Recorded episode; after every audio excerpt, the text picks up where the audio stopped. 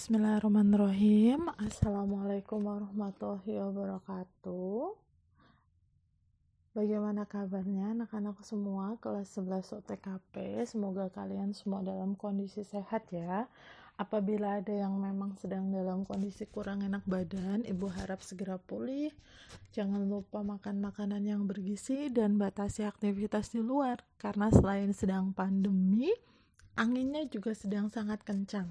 Kita biasa menyebutnya angin Agustus dan kalau kondisi imun kita sedang kurang baik, angin itu bisa menyebabkan kita mengalami gangguan kesehatan dari ringan maupun berat.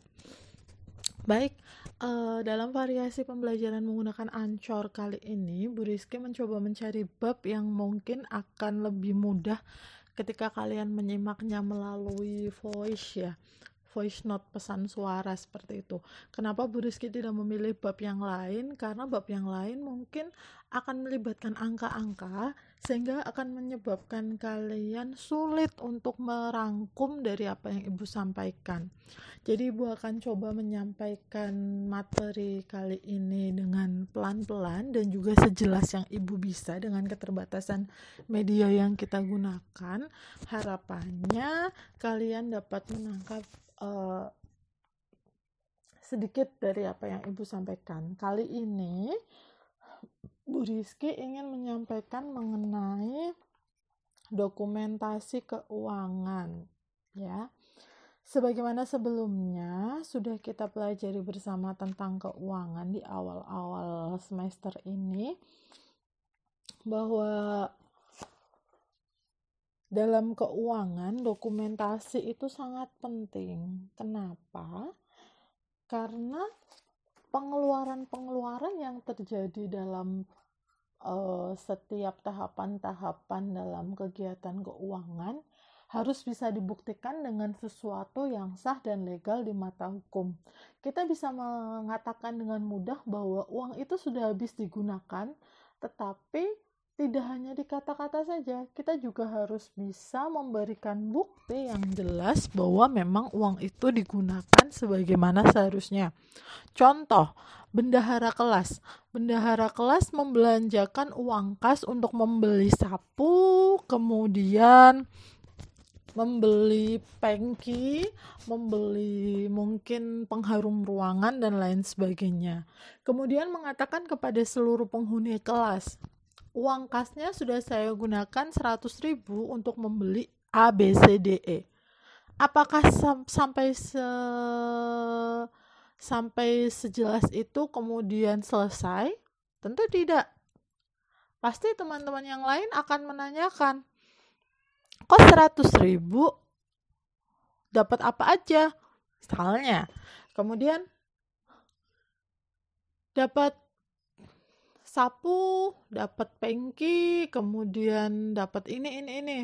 Oke, ada ada buktinya bu, gak perlu lah itu ada nota. Belum selesai sampai situ, pasti nanti akan ditanya, memang sapunya satu berapa kok sampai habis 100 ribu. Nah, itu gunanya bukti keuangan. Maka ketika melakukan transaksi, bahkan ketika kita menggunakan uang pribadi saja, ketika kalian memasuki tempat makan, kafe, resto yang sudah memiliki badan hukum, biasanya mereka akan memberikan struk atau nota. Tujuannya adalah agar pembeli tahu dia mengeluarkan uang sejumlah sekian, itu alokasinya ke mana? Kamu makan di warung sebelah rumah. Bu beli nasi 5000 kamu dibungkuskan nasi dengan lauk pauk seharga 5000 dengan uang kamu. Ketika kamu buka di rumah, oh iya 5000 dapatnya tempe. Kamu menerima begitu saja. Tapi itu akan berbeda ketika kamu membeli nasi itu menggunakan uang bersama. Misalnya kamu satu kelompok sedang berkemah, kemudian kamu adalah bendahara regu, kamu diberi tugas untuk melakukan pembelian terkait dengan konsumsi. Kamu membeli nasi di warung. Bu beli nasi 5 ribuan 5. Harganya 25 ribu. Kamu harus minta nota. karena 5000 di tempatmu mungkin ketika di desa temanmu itu bisa mendapatkan telur jadi temanmu yang biasanya 5000 mendapatkan telur akan kok 5000 cuma dapat segini nah itu fungsinya bukti transaksi lah pada perannya dokumentasi sendiri adalah pekerjaan mengumpulkan menyusun dan mengelola dokumen serta mencatat semua aktivitas manusia yang dianggap berguna untuk dijadikan bahan keterangan di berbagai pihak. Dokumen sumber yang digunakan dalam dokumentasi adalah dokumen yang digunakan sebagai dasar pembukuan oleh bendahara. Fungsinya bisa dibagi, menjadi fungsi dokumentasi secara umum, yaitu menyediakan informasi, memberikan alat bukti dan data akurat. Yang ketiga, melindungi dan menyimpan fisik serta isi dokumen. Yang keempat, menghindari kerusakan terhadap dokumen. Yang kelima, mempersiapkan isi dokumen sebagai bahan penelitian para ilmuwan. Yang keenam, mengembangkan koleksi dokumen bagi bangsa dan negara. Yang ketujuh, memberikan jaminan keutuhan serta keotentikan informasi dan data yang ada dalam dokumen. Itu tadi tujuh fungsi dokumentasi secara umum. Pada dasarnya fungsi dokumentasi ya memang sebagai bukti. Nah, tujuan kita atur, kita simpan, kita tata itu adalah untuk memudahkan kita dalam menemukan kembali saat dokumen tersebut dibutuhkan.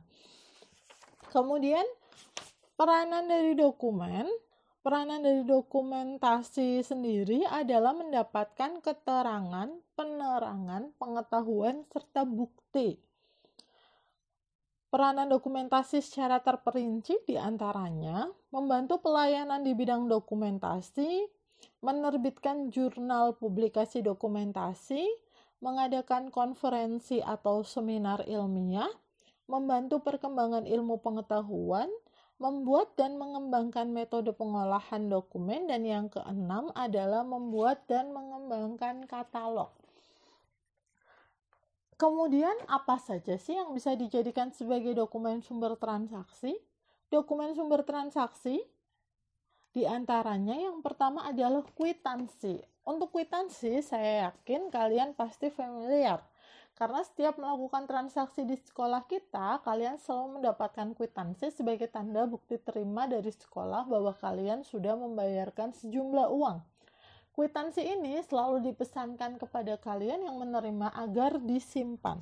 Nah, tapi tahukah kalian bahwa kwitansi itu memiliki dua bagian, yaitu kwitansi itu sendiri dan Swiss sus kwitansi atau bonggol kwitansi. Nah, kwitansi ini pada intinya adalah dua bagian yang pendek dan yang panjang. Yang pendek itu diserahkan kepada pihak eh disimpan oleh pihak yang menerima uang sebagai arsip. Kemudian yang panjang yaitu bagian dari kwitansi itu sendiri itu diberikan kepada orang yang membayar atau mengeluarkan uang. Jadi dua bagian itu harus diisi semua. Pada umumnya orang hanya mengisi bagian yang panjang. Padahal suskwitansi atau bagian yang kecil atau bonggolnya itu juga sama pentingnya. Jadi ketika nanti terjadi transaksi pembayaran kita tahu oh iya si A sudah membayar tanggal sekian uh, yang menerima adalah petugas A. Jadi ketika ada miss dalam penghitungan uang kita tahu siapa yang harus bertanggung jawab dalam salah perhitungan tersebut. Itu kwitansi.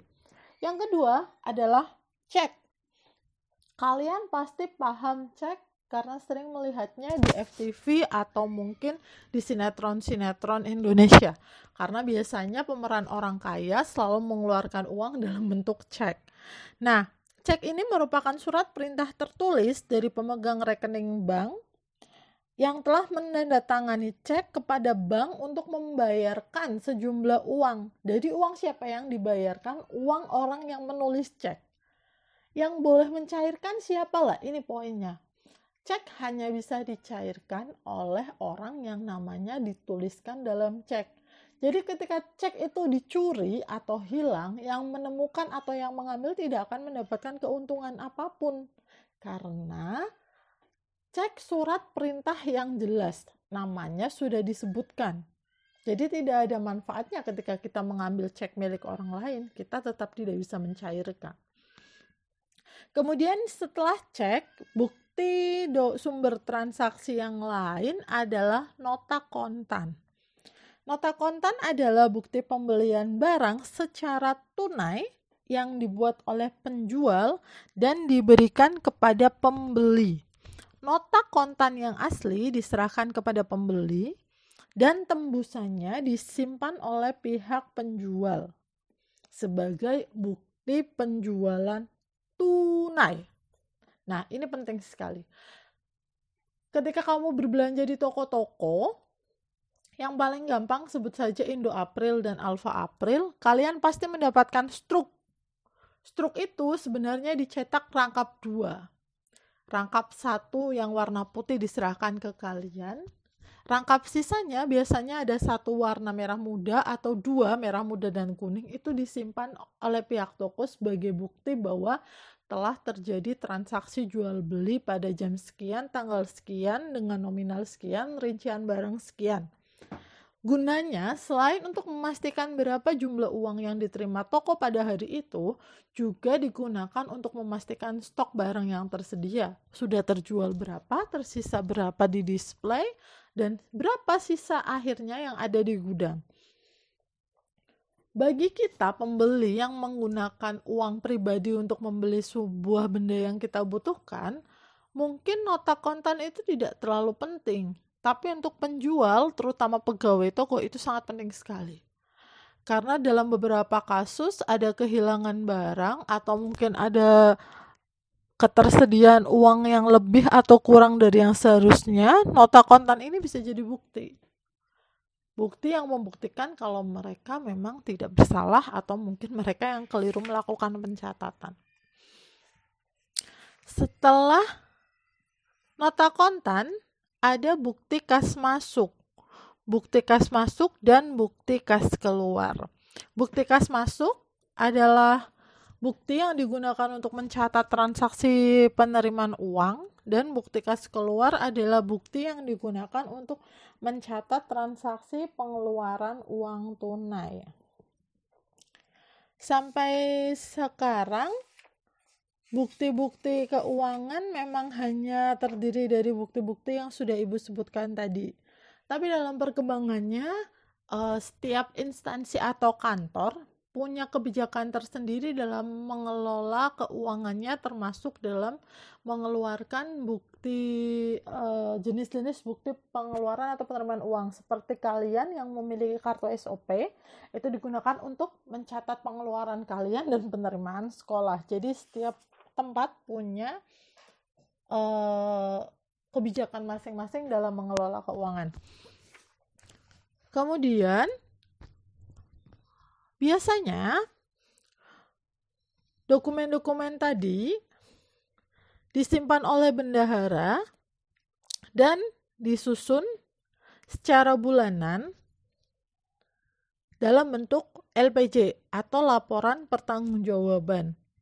Dalam laporan pertanggungjawaban, bendahara melampirkan perincian saldo, rekening koran, berita acara pemeriksaan kas dan rekonsiliasi dan juga konfirmasi penerimaan negara yang sudah diterbitkan oleh kantor pelayanan perbendaharaan negara itu bagi kantor pemerintah.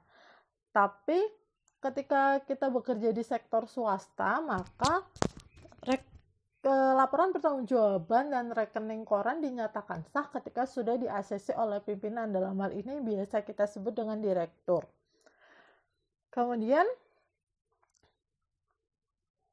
eh, apakah penting bagi kita sebagai orang perkantoran untuk mengetahui jenis-jenis dokumen sumber transaksi, kemudian untuk apa, untuk apa dokumen itu digunakan, kemudian uh, apakah dokumen itu akan bermanfaat dipelajari nanti ketika kita sudah bekerja? Jawabannya iya betul sangat penting. Karena di mana pun kalian bekerja di sektor apa pun bahkan ketika kamu berwirausaha kemampuan dalam mengelola dokumen keuangan itu sangat sangat sangat dibutuhkan. Ketika kamu bekerja atau berwirausaha terutama kamu tentunya ingin sekali usaha kamu mendapatkan laba bukan?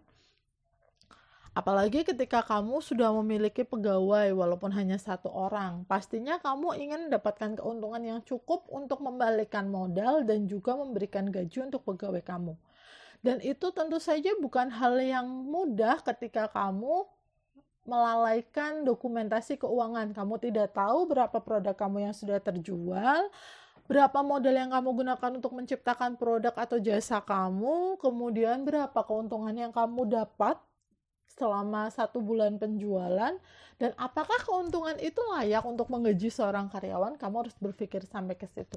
Karena itu, uh, Bu Rizky tahu mempelajari keuangan itu bukan hal yang mudah untuk anak perkantoran, tetapi percayalah tidak ada ilmu yang kalian pelajari kemudian menjadi sia-sia. Bahkan ketika kamu menertawakan gaya gravitasi, kenapa sih kita harus mengamati orang yang menjat eh, orang yang duduk di bawah pohon apel hanya untuk tahu bahwa apel itu jatuh dari atas pohon ke bawah? Kamu merasa itu konyol sekali untuk dipelajari. Mungkin ada di antara kamu yang berpikir seperti itu, tapi kamu tahu tidak dari uh, dari teori itulah kita bisa merasakan atau melihat yang namanya helikopter, drone, atau mungkin kamu bisa tahu kalau ketika kamu ada di lantai dua sebuah gedung kamu menjatuhkan handphone kamu ke bawah sudah pasti handphone kamu hancur. Itu dari pengamatan sederhana seorang ilmuwan yang cerdas di masa lalu. Dan kamu mendapatkan manfaatnya sekarang jadi tidak ada ilmu yang dipelajari kemudian sia-sia. Walaupun tugas-tugas mungkin sangat berat untuk kalian, Bu harap kalian tidak menyerah dan tetap semangat. Sampai ketemu di tatap muka yang semoga bisa segera terselenggara, jaga kesehatan, dan salam untuk orang tua di rumah. Terima kasih. Wassalamualaikum warahmatullahi wabarakatuh.